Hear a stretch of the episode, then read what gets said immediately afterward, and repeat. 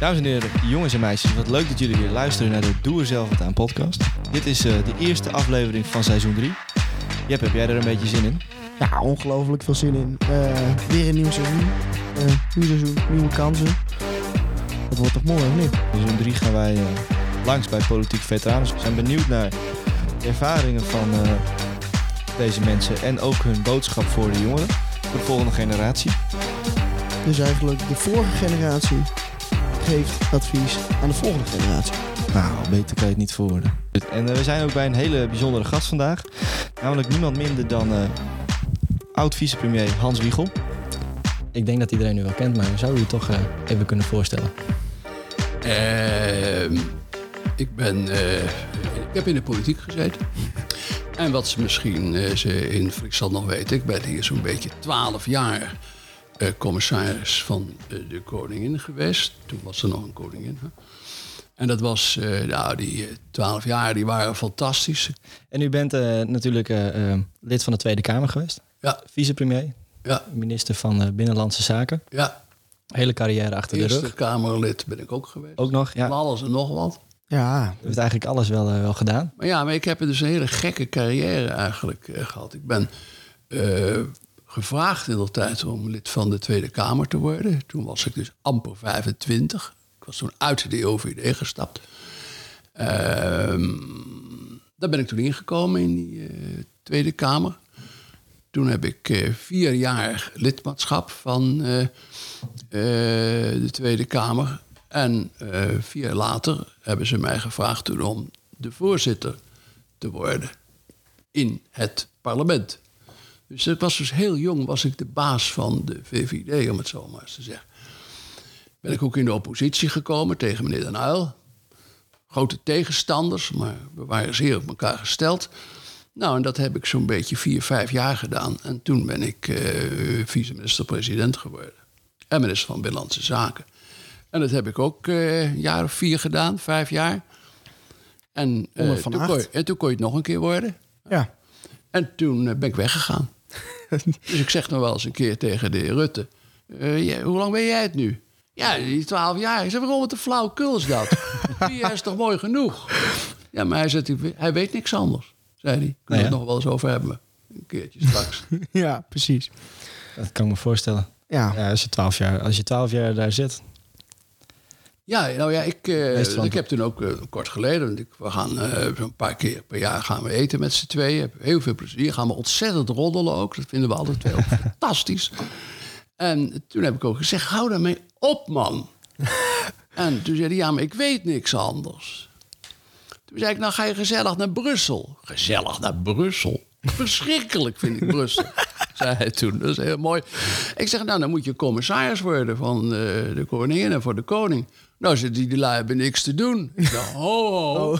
Ik ben de potdorie eh, twaalf jaar geweest. Ik heb keihard gewerkt. Was niet waar trouwens, maar eh, het, is wel, het is een baan die, eh, nou, waar je niet echt moe van wordt. Hoe bent u dan commissaris van de Koningin geworden? toen het is zo gegaan, is het ook wel interessant voor mensen die in de politiek zitten. Van hoe gaat dat dan?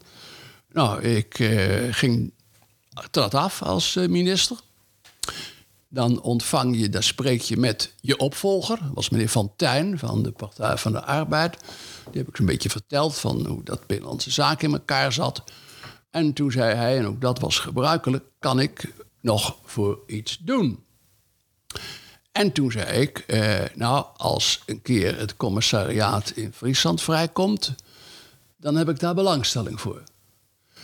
En dat zei ik niet zomaar. Dat kwam omdat eh, mijn voorganger als eh, Kamer hier in Friesland, die zei tegen mij, nou, als jij nou, toen was ik minister, zei hij tegen mij, als ik nou met pensioen ga, en ik ga binnen een jaar of zo met pensioen, dan vind ik dat jij daar in Friesland moeten komen werken. Had ik nooit aan gedacht. Dus mijn vrouw en ik gingen toen terug weer eh, naar... eh wij woonden toen in het westen. En toen zei ik, wat vind je daarvan? Zou dat wat zijn? En toen zei ze tegen mij, maar jij moet het doen. Dus jij moet beslissen. En toen dacht ik, ja, gewoon, onze kinderen waren heel klein. Ik denk, dat is eigenlijk fantastisch. Gaan we in Friesland wonen? Kunnen zij eh, hier groot worden? Dat lijkt me prachtig. Dus zo ben ik eigenlijk hier eh, commissaris geworden. En dat wist niemand. Eh, want er waren ook mensen die hadden echt gesolliciteerd. Ik niet. en toen zei de minister... ja, maar dan moet je naar de vertrouwenscommissie. Ik zei, daar heb ik helemaal geen zin in. Eh, je moet het zo doen. Als jij mij de beste vindt, dan neem je mij. En als je het niet vindt, neem je een ander. Dat is ook best. Dus eh, die mensen die toen naar Den Haag gingen om te praten wie de nieuwe commissaris moest worden. Ik weet ook wie dat toen was. Eh, maar ik had niet meegedaan. En eh, ze hadden niet een idee, terwijl dus de minister tegen zei... je moet goed begrijpen, de, de laatste tijd heeft zich nu ook een zware liberale kandidaat. Maar daar reageerden ze helemaal niet op. Ze zaten helemaal met hun hoofd bij dat andere idee. En toen gingen ze terug van Den Haag naar Leeuwarden. En eh, toen werd uitgezonden door de radio dat ik commissaris was geworden. Die mensen waren... "Uh?" zo. Gekke dingen hoor. Mooi, dat- mooi dat het zo kan. Ze vonden, ja, ik vond het zelf ook wel, maar het heeft een eh, enorm gedonder gegeven Ja. eh, hier in Friesland. Niet bij iedereen hoor, maar sommige van die eh lui die in de Staten zaten. Maar goed, dat weet je ook van tevoren. Dus het is een kwestie van maar, eh, leren kennen en, en vooral eh, laten zien dat je wat presteert. Maar dat, dat gedonder en dat, dat verrassingseffect, is dat ook niet iets wat eh, ergens toch wel leuk is? Dat is, ja, ik vond, het, ik vond het niet erg, laat ik het zo maar zeggen. Dat is... eh, Nee, ik, ik ga, niet- ging niet van tevoren naar die vertrouwenscommissie. Dat deed ik niet, want dat wordt doorgeluld. Die vertellen dat verder. Ik wou helemaal niet, terwijl ik in, dat, in die politiek zat... ineens in de krant kom... Oh, hij is wel in de politiek, maar hij wil weg. ja. Ja, dus dat- je positie is naar de malle moer. en en ehm, daarna ook eh, de Eerste Kamer in. Ja, Hoe is dat eh, ontstaan? dat vond ik wel mooi om een keer te gaan doen. Toen was ik geen commissaris meer. Hè? Dat kan dus niet. Hè? Nee. Dus toen ben ik eh, andere dingen gaan doen. Ik ben op een gegeven moment naar de verzekeraars gegaan. Dat was een andere baan. Hele zware baan, heel ingewikkeld, heel, heel technisch. Wist het, lastig, maar goed, het ging allemaal goed. En eh, toen dacht ik, ja, dan kan ik misschien dat wel mooi combineren met het lidmaatschap van de Eerste Kamer. Ja. Nou, dat ben ik toen ook geworden. Nou, dan krijg je een winkeltje te doen. Hè? De een doet dit, de ander doet dat. En ik kreeg natuurlijk binnenlandse zaken. Ja. En toen kwam daar dus aan de orde, ja, wat eh, moet er dan gebeuren? En toen was er onder andere het plan, er was al een regeringsplan voor, eh, dat, eh, dat referendum er zou komen. En ik voelde voor die referendum helemaal niks. En ik heb toen ervoor gezorgd dat het net met één ruim één stem eh, met meerderheid werd dat verworpen. De nacht van Wiegel. Ja, dat is een eh, bekende. Dat was een bekend- prachtig, hè? Ja. En er zijn natuurlijk wel meer geweest. hè, Ja. In de, een stuk of vier in, in de afgelopen jaren. Er was onder andere meneer Schmelzer heen. Smeltje, Ja, de nacht van Smeltje. goede vriend van mij. Die heeft Dus heb nog ik eh, toen gebeld die nacht. opgebeld. Die meneer Schmelzer heb ik opgebeld. Volgende ochtend. Hij zei, ik heb, ik heb ook nu nacht. toen zei hij tegen mij, hoe lang duurde die? Ik zeg, nou, tot een uur of twee. Oh, die van mij duurde tot 's ochtends vijf uur. Dus die van jou telt niet mee. Nou, maar ik was er Ja. toch wel tevreden over. Ja, da- daar heeft u ook veel, eh, nou ja, bekendheid eh, Ja, dat kun je wel zeggen. mee eh Heel veel reacties op gekregen. Ja. En eh, hoe reageerde men dan eh, toen der tijd? Was dat direct eh bonje ook binnen eigen club? Of eh, waren de... Nou ja, sommigen, want eh, die hadden dat opgeschreven om dat te doen. Terwijl in ons ver- eigen verkiezingsprogramma stond dat dat niet moest gebeuren. Ja, dus u was Dus eigenlijk trouw was- aan het ik, verkiezingsprogramma. Ik deed wat dat verkiezingsprogramma zei. Dus dat was een sterke positie natuurlijk. En eh, eh, toen waren sommigen ook heel boos en zo dat het zo ging. En eh, minister Kok was ook, de minister-president, die was ook heel boos op mij. Maar er was ook een, een minister van Binnenlandse Zaken. Die is nog een tijdje burgemeester geweest in Rotterdam. Die heeft dat, moest dat voorstel verdedigen. En ik was dus een tegenstander. Maar je kon gewoon aan hem zien dat hij het eigenlijk een hele leuke discussie vond. Ja, En we hebben ook gelachen ook. En ik geloof ook niet dat hij een traan heeft gelaten toen eh, dat eh, voorstel eh, weg ja was. precies. Ik heb nog één eh, vraagje over, over de Nacht van Wiegel. Want dat is natuurlijk wel tekenend. eh, ook voor ehm, ja, wat u zegt, er stond in het partijprogramma of eh, in het verkiezingsprogramma Ja. dat dat, dat, dat niet zou komen. U eerst en eh, nog vier anderen waren tegen, meen ik. Ja, ja, ja, ja. Uiteindelijk bent u de enige eh, ja, ja. Die. Iedereen was onder druk gezet natuurlijk. Huh? Dat is dus. We deden in een broek. ja, En eh, ik zei tegen mijn voorzitter in de Eerste Kamer, mijn fractievoorzitter, ik zei: Pieter, je moet goed bedenken. eh, ik ga nooit voorstemmen. En niet alleen, ik had dat mijn fractievoorzitter gezegd, maar er vroegen ook anderen van: wat ga je doen? Dus mijn zoon die zei: Pa, wat ga je doen straks eigenlijk? Ik zei: Nou, tegen stemmen. Oh, heeft hij dat dan al? Die studeerde in Groningen ook. Eh, heeft hij aan al zijn vriendjes gezegd? Ja, mijn vader die stemt natuurlijk tegen. Niet waar? En Vervolgens was op de radio te horen van die dag dat ik misschien toch voor ging stemmen. Belt mijn zoon zijn, moed, mijn, zijn moeder op en die zegt: Maar heb je dat gehoord? Gaat vader misschien eh, toch stemmen? Sta ik voor lul? En toen was het zo dat eh, mijn eh, chauffeur kwam daar. Ik dacht, wat moet jij chauffeur hier in Den Haag? En die had een boodschap van eh, mijn vrouw gekregen. En hij zei, commissaris, u moet goed weten...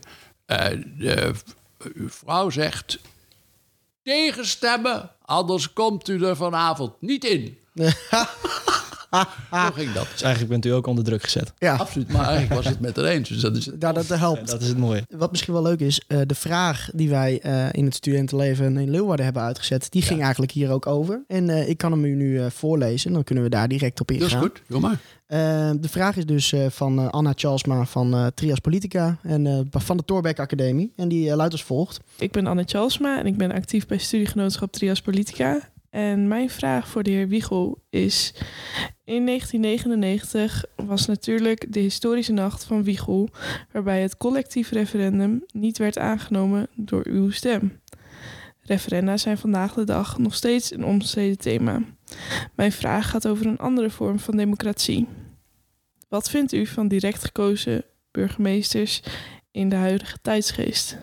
Nou, eigenlijk, eh, kijk, eh, zijn die eh, burgemeesters al gekozen. Want tegenwoordig, vroeger, eh, dan werd je burgemeester. Als je werd eh, voor, benoemd door de commissaris. En dat ging omhoog dan naar de minister. Hè?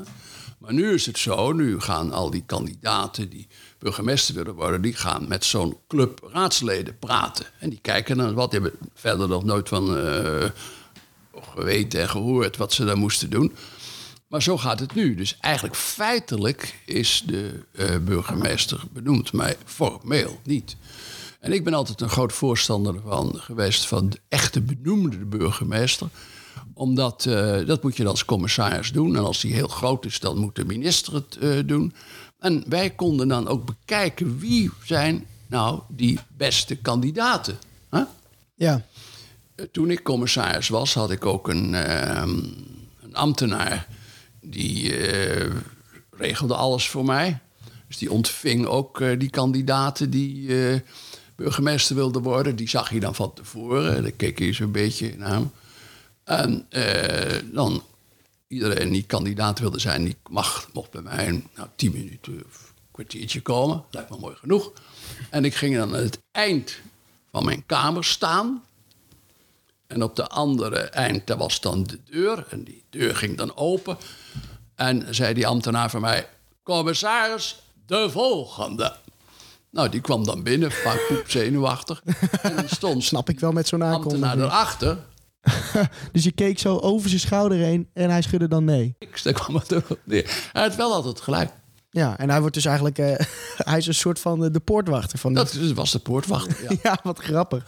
Ja, nee, heerlijk. Maar een enorme mensen, je moet mensenkennis hebben. Ja, ja precies.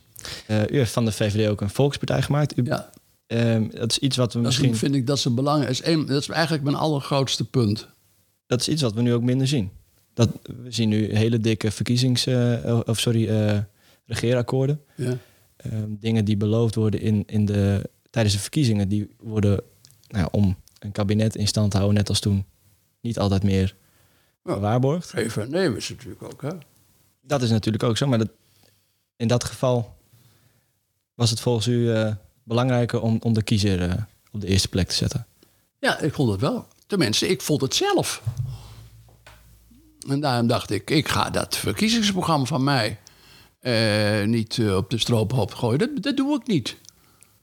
En ik weet nog heel goed, D66 was ontzettend boos van tevoren. Jan Terlouw, die... eh, Ja, die ook. Maar ook de man die nu vicepresident is van de Raad van State. Nu een heel belangrijk man. Hij was toen fractievoorzitter. En die had op de televisie gezegd voor het debat... alle VVD-senatoren moeten voorstemmen. Dat eis ik. En dat heb ik gezien. En toen begon dat debat, een dagje later. En toen kwam ik die jongen tegen. Ik zeg, ik heb dat en dat gelezen. Zo, u moet goed begrijpen.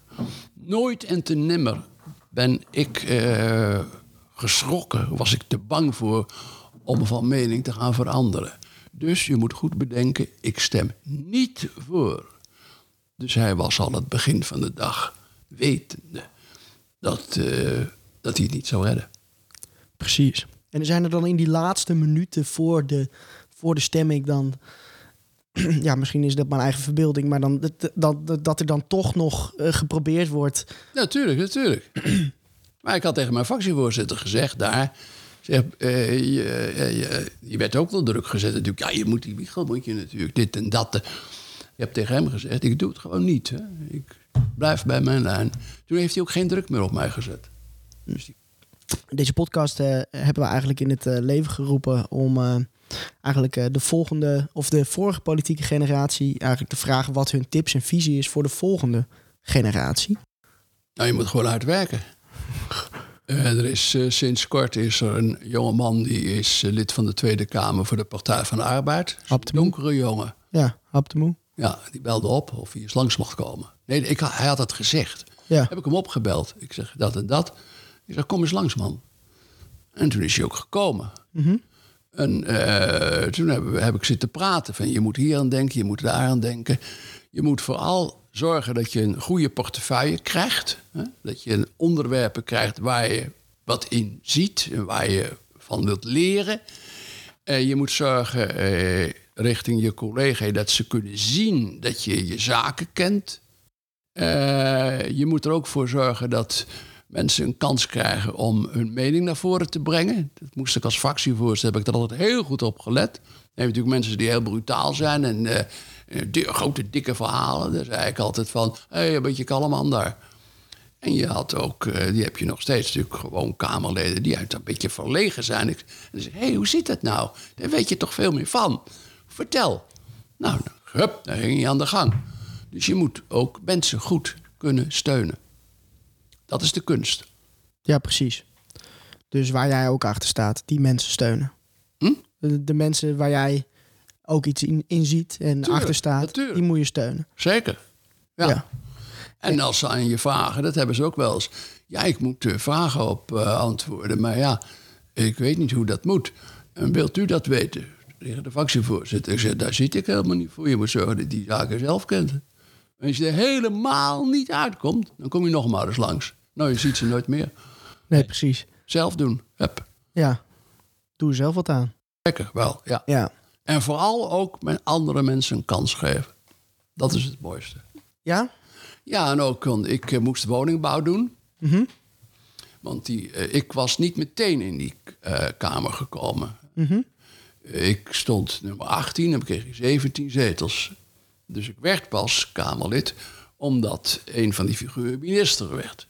En die minister, minister Witteveen, die zou de woningbouw gaan doen. Dus Toxopeus, mijn toenmalige leider, zei... jij gaat woningbouw doen. Ik zeg, daar weet ik helemaal niks van. Nou, zei dat kan mij niks schelen. Het is een heel ingewikkeld vak. Ik weet ook, ik heb van anderen gehoord dat je soms heel lui bent. Dus eh, echt iets voor jou. en toen zei hij er ook nog bij, dat vond ik wel heel charmant. Hij zei, eh, ik ben ook Kamerlid geworden. Professor Oud was toen de baas. En die zei ook, ik heb gehoord, ook Sopeus, dat u toch altijd een beetje rustig bent en niet zoveel uitspookt. Gaat u maar lekker eh, die woningbouw doen. Dan vind ik dat is een compliment dus. Hè? Ja, En ehm, kijk, wat is dan de grootste uitdaging die u eh, in uw tijd had in de politiek?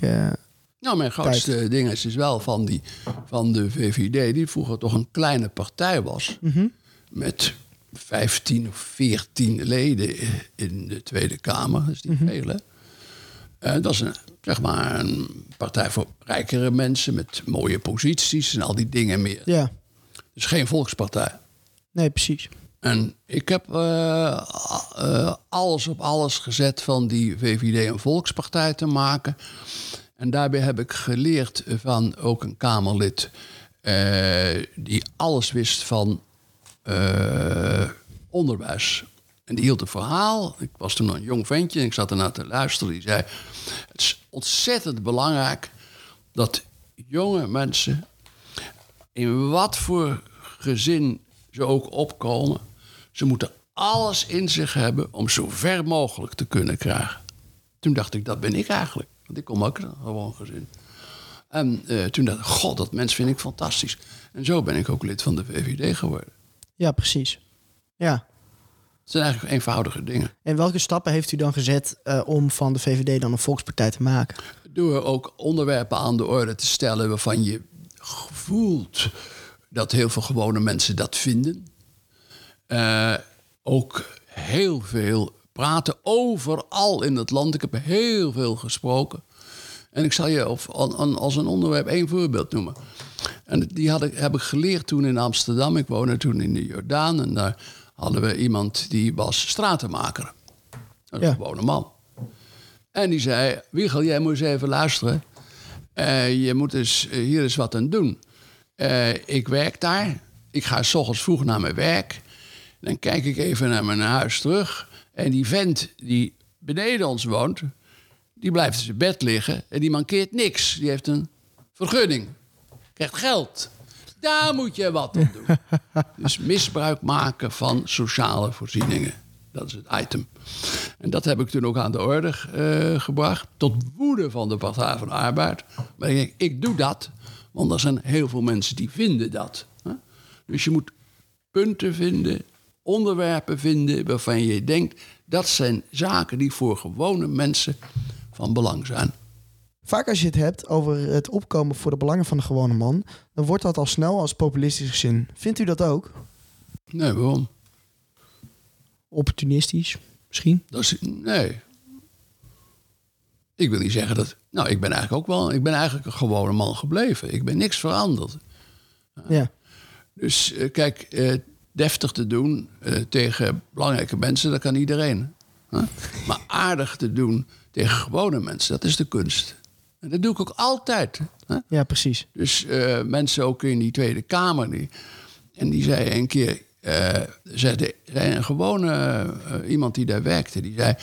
Er zijn twee partijen die heel aardig zijn voor gewone mensen. Het zijn de communisten en dat is de VVD. En de Partij van de Arbeid, op wie wij altijd stemmen... nou, die hebben geen enkele belangstelling voor ons. Die, hebben, die kijken nou wel naar die dingen, maar ze hebben er absoluut geen idee van. Kan ze ook niks schelen. Daar denken ze niet aan. En, en ik ben van mening, je moet heel goed opletten eh, op gewone mensen. En dan moet je ook eh, je aandacht ge- geven. Ik zal je één voorbeeldje eh, geven. Ik was minister. Een heleboel pakken papieren. Eh kan ik trouwens een heleboel van vertellen, maar dat is een gek verhaal misschien. Maar goed, dit is een normaal verhaal. We houden ook van gekke verhalen. Ehm, en dan kregen ze een stukje. Toen dacht ik, god aardig, wat een grappig stuk is dat. Dus ik zei tegen mijn secretaresse, wie is dat? Ja, dat is een jonge ambtenaar. Die wil ik zien. Laat hem komen. Dus ik was de grote, eh, gevaarlijke eh, minister van Binnenlandse Zaken. En zo'n arme jongen van 28 of zo, die kwam. Maar die hadden allemaal bazen van hem meegenomen. Toen zei ik tegen die gasten, wat doet u hier? Ja, wij komen met die en die mee. Ja, maar ik heb u niet gevraagd. U komt er niet in. Ik wil alleen met die jonge ambtenaar praten.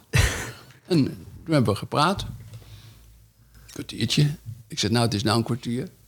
Er moet weer geregeerd worden. Dus daarbij. Ik vond het een fantastisch gesprek. Je hebt het goed gedaan, man. En die man ben ik dus nooit kwijtgeraakt. En wat, wat ziet u dan als een, een, bijvoorbeeld een, een grote uitdaging voor de volgende generatie? Het is eigenlijk precies hetzelfde. Kijk, je moet natuurlijk heel goed werken voor jezelf. Eh, ik ben, eh, toen ik student was, niet altijd even ijverig geweest. Vreselijke eh, professoren ook en zo. Nou, die waren niet vre- vreselijk, maar vreselijk moeilijk. En al die dingen lezen, daar had ik een ontzettende hekel aan. maar dat, dat moet je natuurlijk ook doen. Ik zal je één gek verhaal vertellen over een hoogleraar geschiedenis. Die was zelf communist. Ja? En daar moest ik boeken van lezen. Twee hele dikke boeken. Vreselijk gewoon. en dan kwam je dus nog als student bij die professor thuis.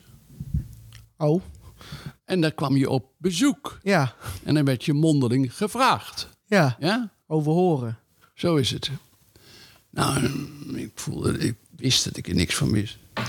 Maar goed, we zitten daar. Maar zei, wist wel, hij wist wel dat ik zo'n beetje de enige liberaal was daar tussen al die socialistische studenten.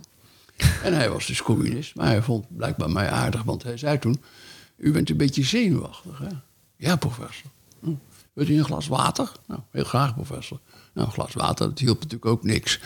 Toen eh, vroeg hij: Ja, wat, eh, wat hebt u gestudeerd? Hebt u HBSA? Zegt die naam je nog wat? Ja, dat is... eh, HBS Gymnasium heb je Ja. vroeger. Hè?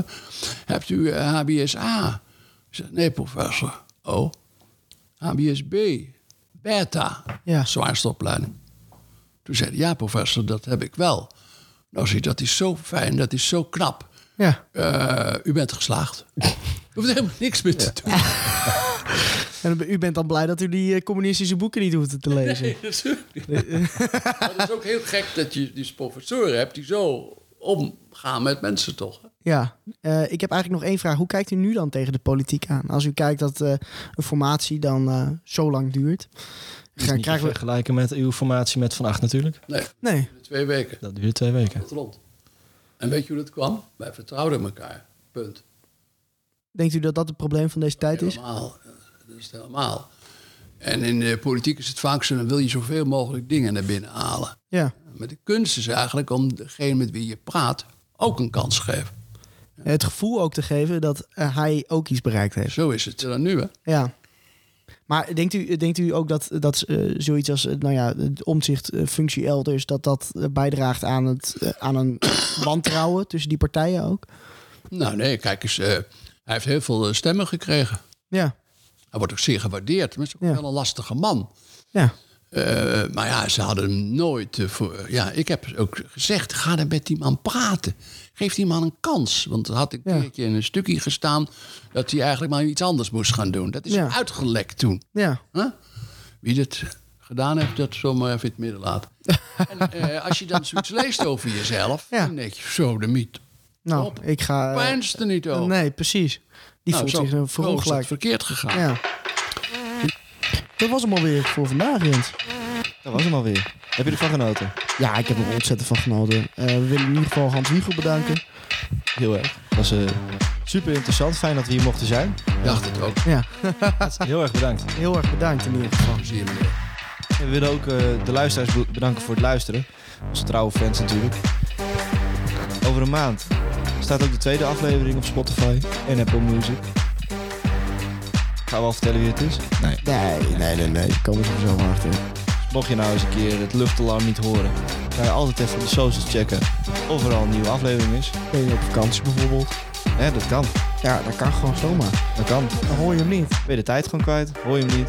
Nou, Heb je dan de socials. voor deze mensen die ook wel eens op vakantie gaan. Je kan ons volgen op Instagram, Facebook, Spotify. En dan? Ja, in theorie wel, maar dat plaatsen we alleen de podcast op Ja. Twitter. Twitter. Zijn er mensen die dat nog gebruiken? Nou, wij niet in ieder geval. Wij niet, maar je kan ons wel volgen op Twitter. Hey.